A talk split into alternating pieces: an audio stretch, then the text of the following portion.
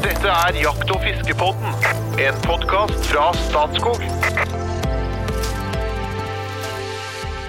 I verden finnes det rundt regna én milliard hunder. Og i Norge ja, et sted mellom en halv million og kanskje 600 000 hunder. Mange er utvikla for å bli finstemte instrument som man kan jobbe i lag med som jeger, og øke mulighetene for fangst. I dag skal vi snakke om samspillet, men vi skal også ta en Kennedy. Vi skal ikke spørre nødvendigvis bare hva jakthund kan gjøre for deg, men hva du kan gjøre for jakthund, spesielt da når skaden skjer. Vi har med oss en ekspertgjest, men først vil jeg introdusere mine faste kompanjonger. Hvis podkasten var en samling med hunderaser, så ville jeg sjøl selv selvfølgelig ha vært en glad, arbeidsvillig og tidvis overvektig labrador. Så har vi rypedoktoren, som har seks frysere, tre dieselbiler og eget viltslakteri på gården. Mann som aldri hviler. Hjertelig velkommen, eh, doktor Jo Inge Bresjeberget. Jo, hallo, hallo. Hva slags hunderase er jeg? Eh, Det, spørs, det skal jeg fortelle deg, men hva tror du? Ok. Nei, vel mer litt seig elghund eller noe, kanskje? Det er et godt forslag, men jeg, jeg fant ut du er sta, klok, modig og fryktelig kosete på hjemmebane, så du er en dags. Men en dags, da. det kunne jeg tippe på. ja, ja. Og så glir vi over til mannen som har bedrevet steinkasting på den amerikanske ambassaden og perledykking i Oslofjorden, kunstnersjel og fluefisker Espen Farstad, hjertelig velkommen. Tusen takk. Hvilken rase tror du at du er, da? Basset. Nei, du er tillitsfull og aktiv, og lettlært og leken. Altså, altså er du en gatemiks, med islett av golden retriever og dvergpuddel. En bastard? Ja. Ok. Det er dem som er, det er, dem som er best, da, vet du. Ikke i jaktmiljøet, vet du. Nei, den er, den er, den er vond. Ja, ja. Om det er fluefiskermiljø, så er det bra. Det er det nok. Ja. Og så har vi med oss selveste presidenten i Norsk veterinærforening, Toril Moseng. Hjertelig velkommen. Tusen takk. Du skal få lov til å velge sjøl. Hvilken hunderase syns du ligner mest på deg sjøl? Nei, jeg er nødt til å si eh, setter, altså. Fordi jeg er jo vokst opp med settere fra jeg var to måneder eh, gammel. Og eh, de er jo både kloke, rolige og vakre, og det er kanskje det jeg ønsker å Ah. være. Eh, Klok, vakker og rolig og vokse opp i setter, det betyr at du kanskje har eh, bakgrunn fra jakt og fiske, det? Ja, det har jeg. Eh, Min eh, familie har jaktet i over 100 år i Dalsbygda. eh, Og jeg har jaktet siden 93, eh, sammen med far og andre. Og hatt settere som jeg jakter med hele livet. Ja. Og du har truffet en av de representantene i Jakt- og fiskebonden tidligere, Jo Inge. Ja, det er riktig. Han eh, var med meg på God morgen Norge, hvor jeg har vært fagmedarbeider i de siste 20 årene, faktisk. Så det var en veldig hyggelig eh, seanse som vi satt der begge to. Hva Det var tidlig, tidlig på morgenen, husker jeg. Ja, Det er altfor tidlig, egentlig. Men det er et veldig hyggelig program, og så er det god folkeopplysning. For, eh, og så er det, det er det som på en måte gjør at eh, ja, jeg syns det er veldig fint å være der. Jeg har vært der i mange år, og vi får mange gode tilbakemeldinger om at folk eh, lærer og syns det er hyggelig samtidig. Og det er en god kombinasjon. Vi prater jo om rypejakt og rypejaktstart, var jo det vi var det for den gangen. Mm. Jeg må innrømme at jeg har eh, ja, jeg holder på å glir over i retning A, da, men jeg er nok et B-menneske, så God morgen Norge er ikke, det er ikke innertier på tidspunkt for meg. Så jeg, jeg er ikke en fast følger ennå, men det blir. Men du har altså Jeg antar når du er president, så jobber du 100 eh, som eh, president i Veterinærforeninga. Ja, det er riktig. Nå har jeg de siste seks årene jobbet eh, stort sett bare fagpolitisk, både i Norge, men også i Europa. Jeg sitter også som visepresident i Europeiske veterinærforening der, som representerer over 300 000 veterinærer. Men tidligere så har jeg drevet klinikk og vært eh, kirurg. Eh, det er det jeg har drevet mest med. Så jeg har lang praktisk erfaring også. Og det er perfekt oppspill. Har du tatt imot mange skader på jakthunder som veterinær? Å ja. Det er jo sånn at eh, både når mennesker og dyr eh, gjør noe og ikke sitter i sofaen, eh, så er jo risikoen selvfølgelig for at ting skjer mye høyere enn hvis man ikke gjør det. Og den risikoen er faktisk verdt det. For stort sett så går det jo bra, men det er så viktig å ta litt forhåndsregler før man stikker ut på jakt. Så noen ganger så får man mye skader inn etter jakt, mye vi kan løse godt, og andre ganger så får vi litt mer alvorlige og triste skader inn. Mm. Og med forholdsregler, da, hva tenker du på da, spesielt? Tenker du på førstehjelps... Eh, eller tenker, tenker, du på ting du gjør med hund før du drar ut? Det eh, var nettopp den nøkkelen jeg ville ha fra deg. fordi det absolutt lureste er å drive med forebyggende helsearbeid. Og vi ser jo det at de som ikke har hunden i god trening, sånn at den er i god grunnkondisjon før man drar ut på jakt, de sliter mye verre. Det er klart at ulykker kan skje uansett hvor mye man forbereder seg, men man ser så mange slitne hunder som trår feil, gjør feil, jegere gjør feil, ikke sant? og så får man da mye verre skader enn det man ellers ville fått hvis man hadde hatt en hund som var forberedt på en god nok måte. da. Jeg spør dere, dere andre, nei, kanskje først og fremst deg, Jo Inge. Hvor, hvor, vanlig er det å trene jakthunden sin jevnt gjennom hele året? Ja, det varierer nok ganske mye med henduer og åkener og slike ting, men det er nok mye mer vanlig i dag enn det var tidligere, når jeg begynte å jakte. Der, forrige århundre, forrige årtusen, så var det ikke uvanlig at elghunder sto i kjetting. Og, og var det I år slengte jeg litt mat, og så sto de i kjetting, og så ble de brukt da på høsten og det var en forholdsvis kort jaktsesong òg, så trente du hunden i form i løpet av jakta. Det ser jeg i mye mindre grad i dag enn jeg gjorde da, men jeg ser òg hunder som er både feite og utrent, kommer på jakt i dag, og det skjer det også, men jeg tror det er mye mer bevissthet rundt det i dag, å trene hunder. Jeg har noe med hundene mine hele året, da, så det, det er noe for meg er det trening hele tida. Og så legge litt føringer når det er båndtvang, selvfølgelig. Da. At du må trene i bånd og, og, og, sykle med dem og like ting. Da. Men, eh, men da, da, vet du, jo, Inge, er det jo så godt at du har en organisasjon som Norges Jeger- og Fiskerforbund, som legger til rette og organiserer for dette. Nei, men vi har faktisk eh, vært opptatt av dette med fysisk trening av hunden før jakta. Eh, hvis du ikke skal ha en sånn, hva vil vi kalle det, en litt sånn slapp skopusser som går rundt beina på deg. Du skal ha en ordentlig jakthund der ute, eh, og da må du bruke tida gjennom året. Og da har jo vi opp Eh, oppretta en masse treningsområder som du faktisk kan gå inn på vår hjemmeside og finne i kartet, altså for der ligger det treningsluftområder og, og jakthundstreningsområder for hund, og det er vel en, ja, nærmere 100 områder spredd rundt omkring i landet, hvor man da kan få trent ordentlig selv når det er båndtvang. Ja, så, så, det er økende fokus på dette rundt omkring, det er helt, eh, det er helt opplagt, det. Det er laga et lokalt terrierbordet, og det, det, er helt, helt genialt. Høyt mm. inngjerdet område. Så, mm. så, du kan booke den, og så få trene hunden sjøl i våttvangstida. Mm.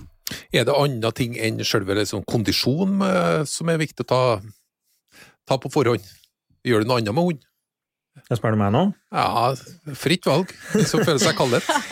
Nei, men det er klart, eh, Toril må få svare òg, da. Men eh, jeg trener jo med seg hundene mine litt hele tida. Altså, jeg kjører litt dressur eh, hele tida, og så litt stimulering. Altså at de eh, apporterer, eksempel. At fuglene apporterer ting, så at de får trene og bruke nesene litt. Eller finne godis, eksempel. Eller altså, du gjør ting og gjør moroting med dem, da, så at de får eh, avkobling. For det, det er jo når du passerer lille julaften, og så fram til påske, som det er litt mørkt og litt kaldt, og litt der, så er det en, det en tendens til å gå litt på sparebluss. og Det er liksom det om å gjøre noe, og de har noe moro å se fram til, ikke mm. bare to ganger om dagen de skal få mat. Jeg tenker, jeg tenker litt eh, praktisk her nå, Tore. Er det, er det klokløpping, stell av poter eh, osv.? Er det sånne ting man bør være obs på?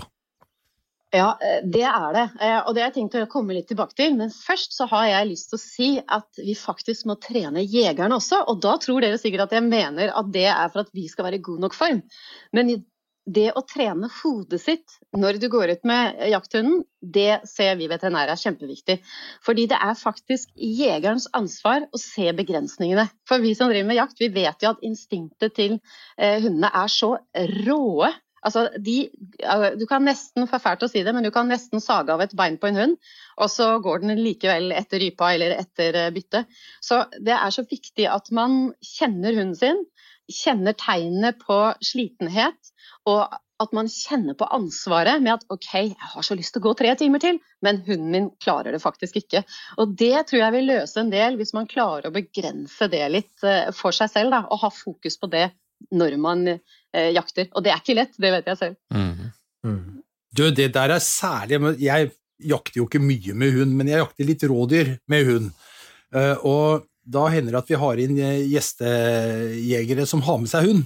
Og så baserer vi oss på det. Da kommer vi med en dags, så slipper dagsen, liksom, og så skal, båler vi litt midt på dagen og drikker en kopp kaffe og spiser lunsjpakka, og så sier de du, jeg tror bikkja er så sliten i dag at det var litt bratt der, så jeg tror vi må avslutte nå. Du må ta deg sammen seriøst som jeger da, for å, for å ha gode miner til slettspill, altså.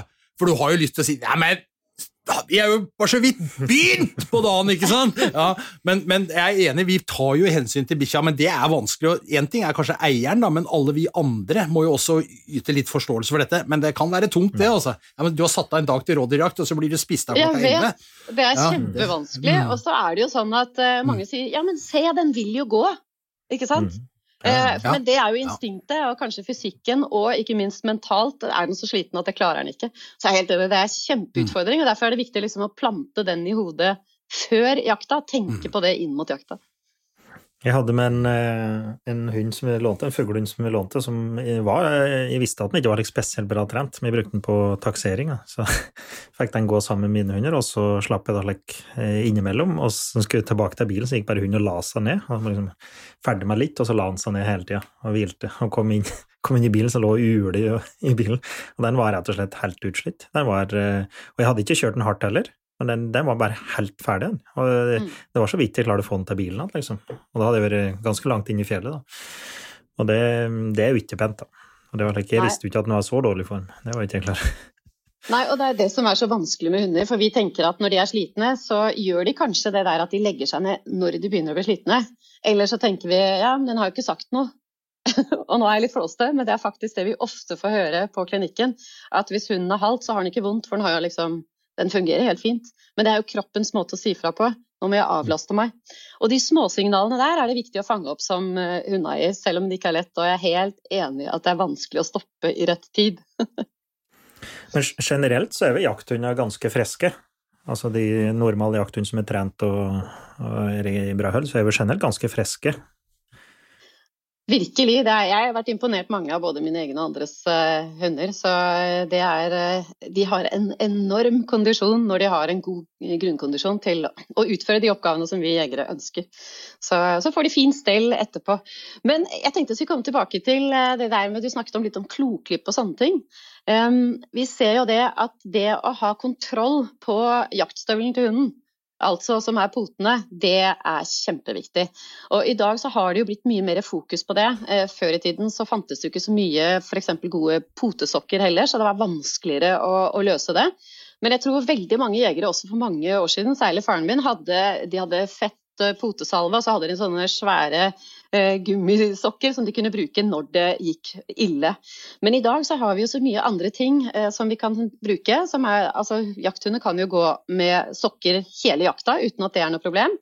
Og det viktige er å sjekke din egen hund. Har den gode tredjebuter? Eh, den, eh, har den eh, et lite lag som ikke er så tjukt? Og ikke minst dette her med å klippe klør. Klør henger seg opp mye bedre, eh, lettere hvis de er lange, f.eks. Og så er det dette her med fòring opp mot jakta og fòre under jakta. Det er også veldig viktig å vite at gjør man et fòrskifte akkurat når man kommer på jakt, hvor hunden er ganske så gira fra før av, så er det lettere å få eh, gastroproblemer, altså mave-tarm-problematikk. Og det er det noe man ikke vil ha, så er det jo det i jakta. Det tømmer jo hunden for energi, eh, og det blir mye gris og tull og stress for alle parter. Mm. Ofte opplever jeg at det kan være problem med å få i dem nukk òg. Altså få, få, rett og slett få i uke næring. Eh, Jeg har jo hunder som er over snittet glad i mat. Og de fuglehundene spesielt. Jeg er en del av dem er jo beryktet for å være ganske bra glad i mat. Og stjeler mat og slikt. Liksom, alt, kan, alt går inn, liksom. Så, lenge det minner om mat, så kan det gå inn. Men jeg opplever det når jeg kjører dem hardt på jakt, at det, plutselig så, så blir matlyst dårligere, eller at du ikke får i dem nok energi. Da. Det er jo faktisk et problem. Ja, det har jeg opplevd mange ganger selv, og det kan være en utfordring. Eh, så kan det jo også kanskje være et bitte lite tegn på at det er litt for tøft kjør også. Eh, at man kanskje kan legge inn en hviledag eller en hvileettermiddag, sånn at eh, hunden får kommet seg litt og, og strukket litt på seg og få tilbake matlyst og, og, og musklene i gang igjen. Mm. Det må jo variere litt fra art til art, dette her, for jeg jakter jo som sagt ikke så mye med hund, men jeg jakter litt med drever, og der har aldri verken matlyst eller, eller jaktlyst vært noe problem, altså. Det... Nei, kjører hardt nok, så, så sliter han nok de her, skjønner du. Ja, men det er et kjempegodt poeng. fordi vi ser jo, For det første er jo alle individer forskjellige, men du har helt rett. altså Rasene er veldig forskjellige i hvordan de oppfører seg, og også mange hvordan de gir uttrykk for både det ene og det andre. Så det er veldig bra å ha jegere som kjenner til den hunden som de jakter med, både på godt og vondt. Kan jeg bryte inn allerede her med en liten limerick, for jeg har laget en som passet så godt inn i programmet. Du skjønner det, Toril, at i hvert program så prøver vi å ha inn et lite kunstnerisk innslag, så ikke vi blir så fagtunge. Vi er veldig fagtunge, så prøver jeg å bryte opp litt, og da har jeg, har jeg egentlig lagd en limerick som var om akkurat det vi snakka om nå. Så jeg tenkte hvis det var, jeg bare det var kan. tidlig, men jeg, var, jeg syns det var på sin plass. Det var litt tidlig. Espen okay. Forstad. En jaktsugen drever fra Valler kommer aldri inn når du kaller. Og det har sin pris når det er skare og is, da blir det blodrøde poter og baller. og den er selvopplevd. Ja. Ja, veldig bra, altså. Ja, Toril, hva som er altså Nå har du snakka litt om uh, veldig gode forholdsregler på hund og jeger. Eh, Hva er, men likevel så oppstår det en god del. Hva er de vanlige skadene som uh, oppstår på jakthunder, som du har møtt da som veterinær? Ja, det er veldig mye skjelett- og bevegelsesapparatskader. Eh, altså at man har vrikket, man har vrengt, man har eh, fått eh, utfordringer. Og kanskje særlig på skader som man har hatt fra før. Hvis man har en vond albue f.eks., så kommer det tilbake, og så forverres det under jakta. Eh, Men så har vi jo de klassiske. Veldig mange får øyebetennelse eh, av forskjellige årsaker, så det er jo viktig å forebygge.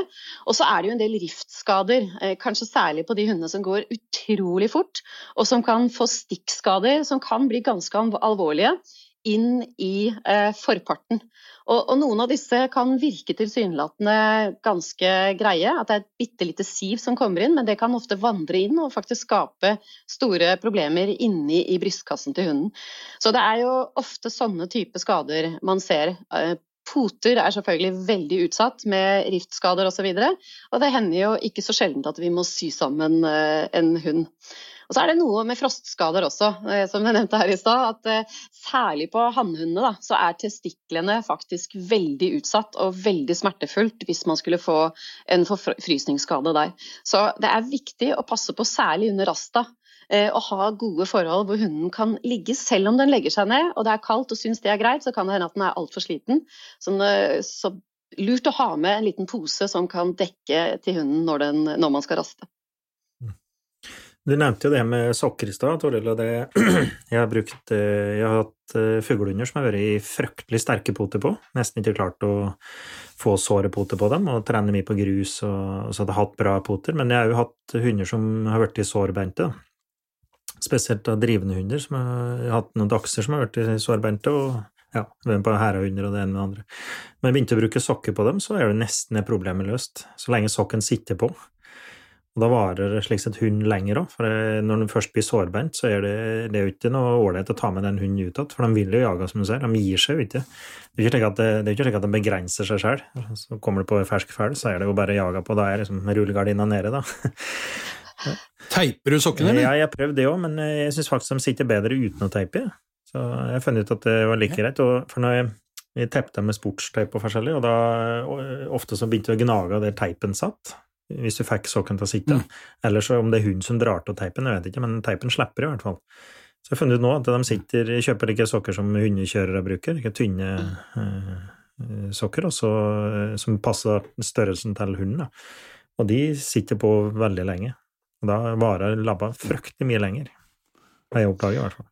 Ja, det handler jo alt om forebygging, ikke sant. Og da, akkurat det du sier der med sokkebruk er jo blitt veldig, veldig mye mer vanlig, og det fins jo så mange gode løsninger så man slipper å teipe. For før så måtte man jo teipe for alt bare ramlet av.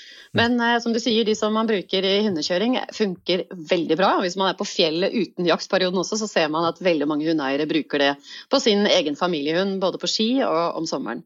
Så det er absolutt å anbefale. Man vet jo aldri, selv om de har et godt eh, hornlag, så vet man aldri når det plutselig oppstår en rift f.eks., og da unngår man ofte det hvis man har på sokker. Men eh, det er veldig stor forskjell på hvor gode eh, jaktstøvler hunden har, altså hvor gode poter de har. Så det er lurt å være obs.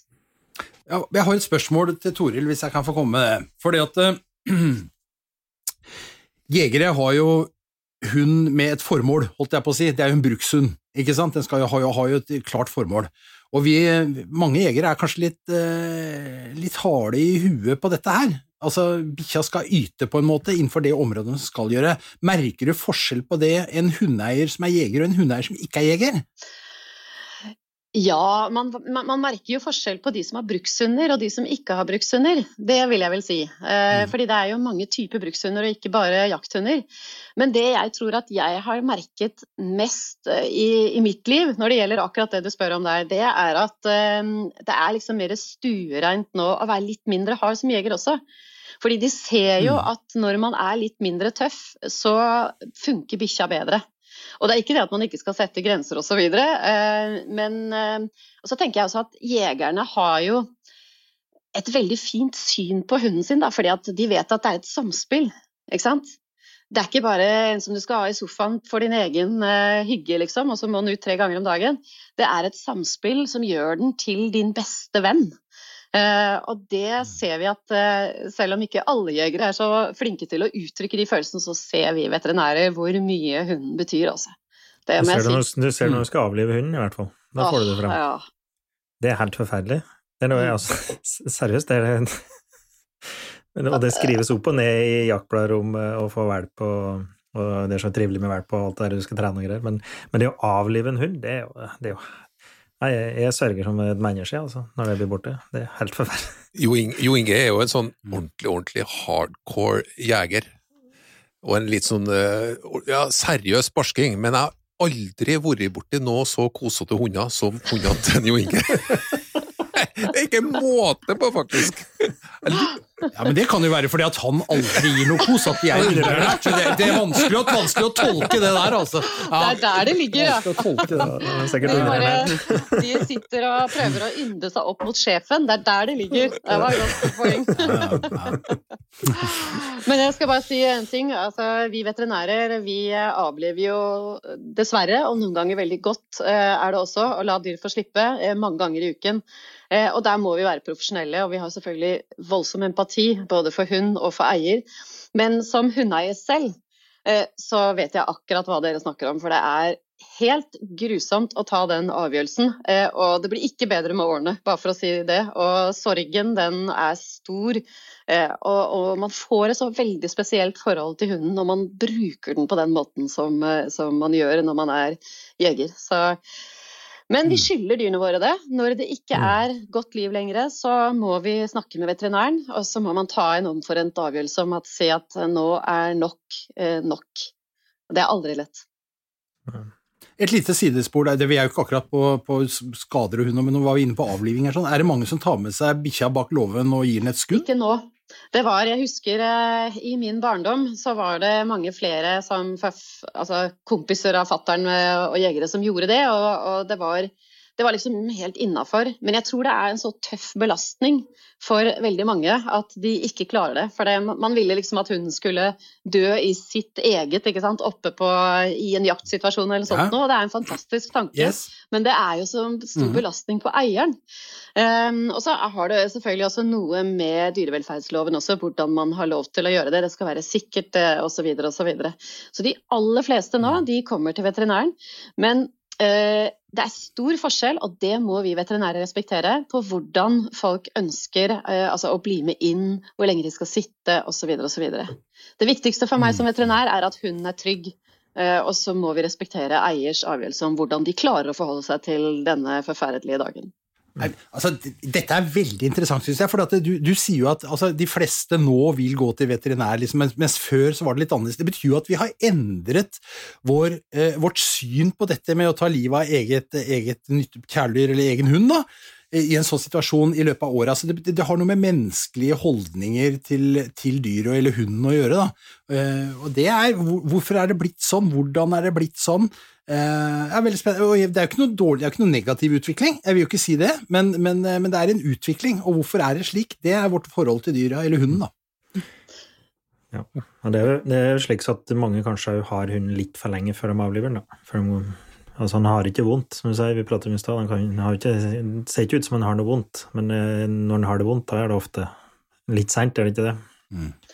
Og det som er viktig, er jo at man klarer å lese hunden sin om den er vondt eller ikke. og Det er ikke alltid så lett. så Derfor er det kjempeviktig å ha jevn, god kontakt med veterinæren når den begynner å, å eldes. For det er jo ikke feil å være gammel. Det er ikke feil å ikke kunne løpe langt lenger. Så lenge man har eh, en hund som er litt sånn slarkete i steget og, og det ikke er smerter, så er det jo flott å la den bli gammel.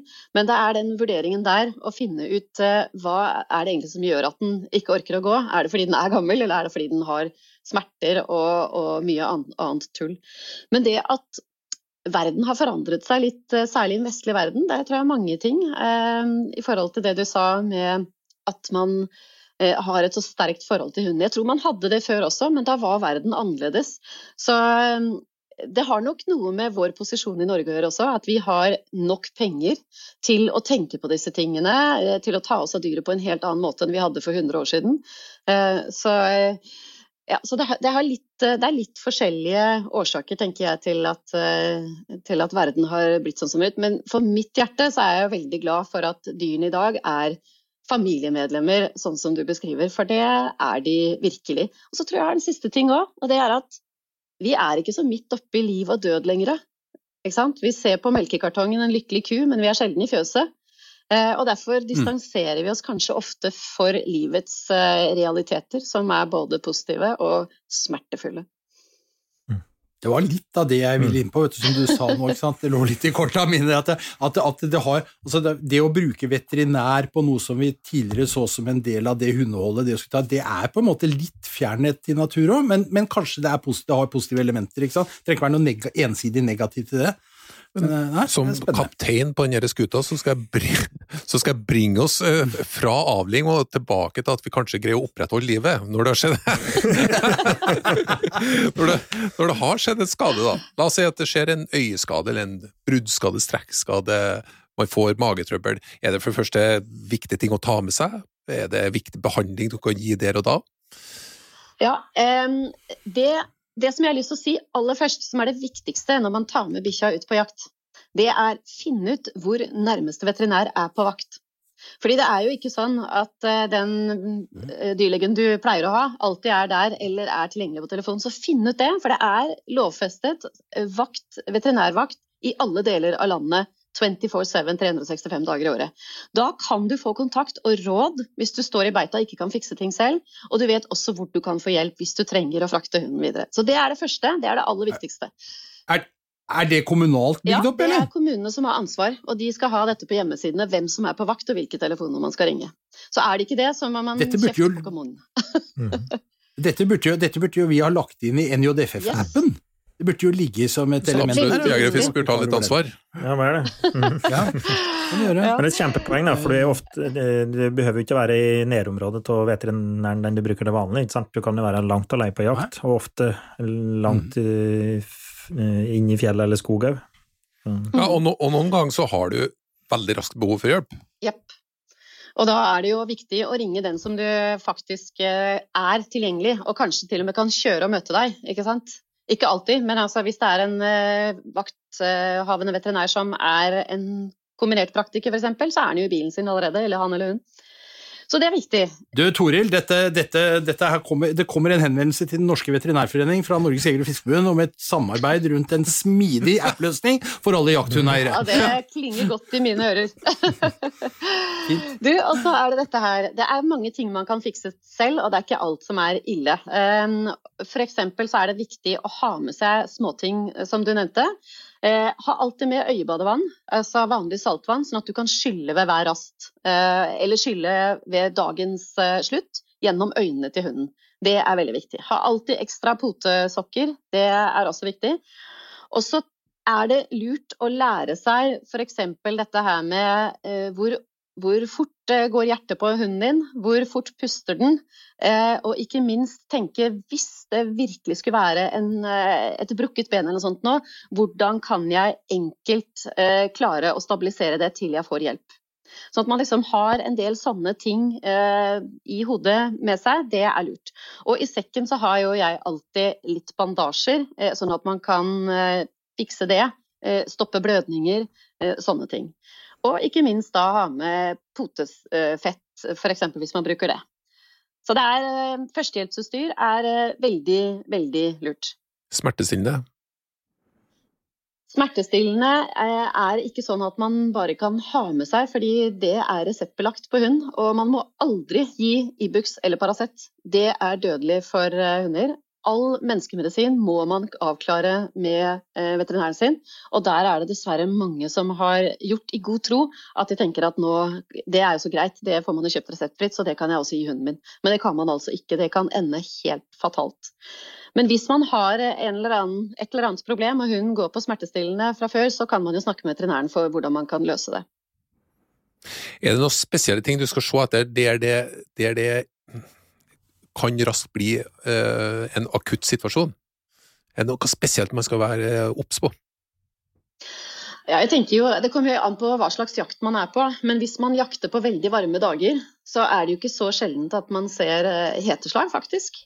Altså det kommer an på, Nå jakter man jo ofte når det er litt kaldere, men man skal være veldig obs på det. Og da gjelder det jo å kjøle ned dyret. Hvis man er i en bekk eller noe sånt, nå, ta en jakke, gjør den klissvåt og kjøl den ned, og kontakt veterinær eh, så fort eh, som mulig. Og så er det jo utmattelse, selvfølgelig, og hjertestans osv. Det hender dessverre også at det skjer. Når det gjelder blødninger, så gjelder jo det samme jeg må, jeg må stoppe deg. Hvis ja. du får hjertestans, skal du ut, altså, da skal du prøve å utføre hjertemassasje da, på hund? Ja, det har vi faktisk også vist både det og munn-til-munn-metode på God morgen Norge eh, live. Det er jo ikke noe som en frisk hund liker, men vi fikk i hvert fall demonstrert det. Men det, det, kan man altså gjøre, og da er det viktig å vite hvordan man skal gjøre det. Fordi det er forskjellig trykk man skal gjøre avhengig av størrelse på hund. Så, men sånn i utgangspunktet, å vite sånn cirka at, hvordan man kan gjøre det, det er fornuftig. For noen ganger, hvis hunden går i sjokk, så kan det være nok til å holde liv i hunden til man får eh, hjelp videre. Mm. Ok. Virker, ja. Men når man gjør det, så er det viktig at man passer på at når man blåser inn f.eks., at man holder for munnen sånn at ikke luften går ut. Man blåser jo inn gjennom nesen.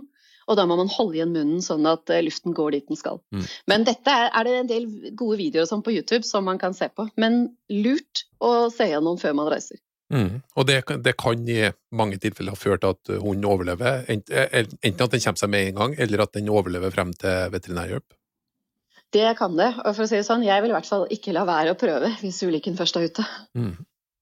Og så avbrøt jeg, du glei over til blødninga. ja, øh, skled øh, over til blødninger. Men øh, blødninger ser vi jo ofte så ser jo blødninger verre ut enn det det er, heldigvis. naturen er så smart at den har rødfarge på blodet, som på en måte syns veldig godt også i terrenget. Det er alltid lurt å stoppe blødninger. fordi at jo mindre gris og tull man har rundt et sår, jo mindre infeksjonsfare er det. Men når det blir store blødninger, så er det jo viktig å få satt fast. Og har du et belte f.eks., så er kanskje det den sikreste måten å i hvert fall stoppe det midlertidig, og så få en bandasje rundt som ikke er så aggressiv etter hvert, til man får kontroll over situasjonen. Mm. Jeg skal bare kjøre inn et lite sånn uh, skal kjøre, eh, jeg skal, høre litt på hva du har vært ute for, eh, Jo Inge. Men jeg skal kjøre noen dilemmaer på dere. Jeg får bryte opp, eh, det, det, ble jo så alvorlig her nå en stund, med blødninger og Og så må jeg inn på litt magetrøbbel, for jeg kommer fra helseforetak, og der er mage det er liksom det er veldig, veldig skummelt. Men kan jeg ta noe dilemma? Vær så god. Rekkefølge. Kunstnersjelen, Jo Inge og Toril. Mm. Schæfer eller terrier? Terrier. Terrier. Terrier. Kongepuddel eller samoyed? Kongepuddel. Oi, oi, oi, feil rekkefølge! Du var det, men veldig positivt at du er så på. Ja, Espen måtte tenke seg om. da. ja jeg, jeg, jeg, jeg, Samoyed, hva, hvordan ser Må jeg stille spørsmålet en gang til, eller? Jeg sier kongepuddel, jeg også. Ja, kongepuddel er det. Jepp. Ok, hjemthund eller norsk elghund? Må bli norsk elghund. det. Ja, norsk elghund. Norsk elghund. Ah. Finsk spets eller norsk buhund? Å, finsk spets. Ja, dessverre. Jeg må ta finsk spets der.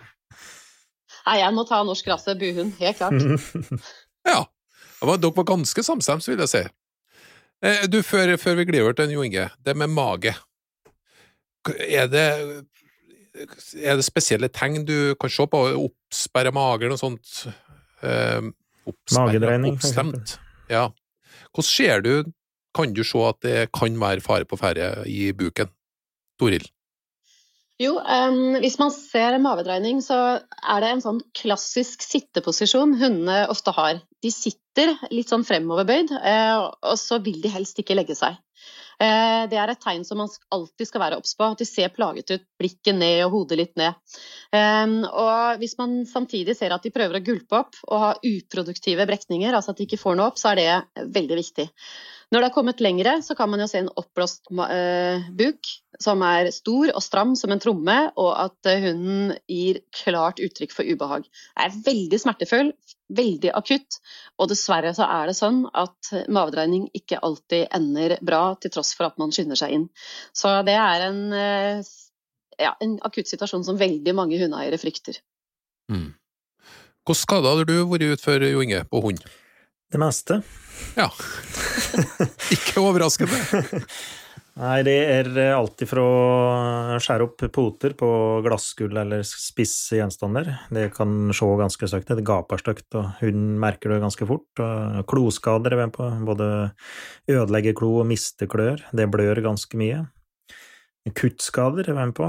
Eh, Både kjørt på hund med ski, så det har gått over til å ikke bruke stålkanter, for eksempel.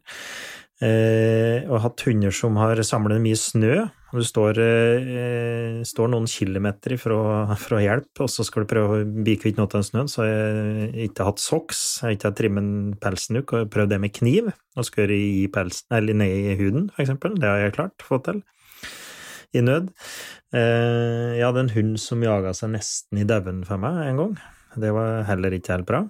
Og så en hund som en fuglehund som sprang på et vindfall, et sterkt et vindfall som lå nede med veldig spisse kvister, og så fikk den inn her i buk, i Mm. brøstet, da. Eh, Og sa ingenting, han sprang etter en fugl, var eh, lykkelig, sa ingenting, bare trakk seg av den eh, kvisten igjen og sprang videre, og så fant den da død da, etterpå. Da hadde da punktert eh, hjerte eller lunge eller eh, pulsåre. Mm. Sa ingenting, det var en pointer jeg hadde. Var ganske grisete. Eh, og ja, tenner har jeg vært borte, har klart å skade. En hund som var redd for nyttårsraketter, som beit i buret og ødela henne tanna si, for eksempel. Det, vært var borti det meste, tror jeg. Og halen, ikke sant, haleskader òg. Du nevnte det med å stoppe blødning. Det å stoppe blødning på en hale, ikke spesielt enkelt på en hund som er glad og, og, og livlig til å bruke halen sin. Ikke nødvendigvis veldig enkelt å få noe til å stane der.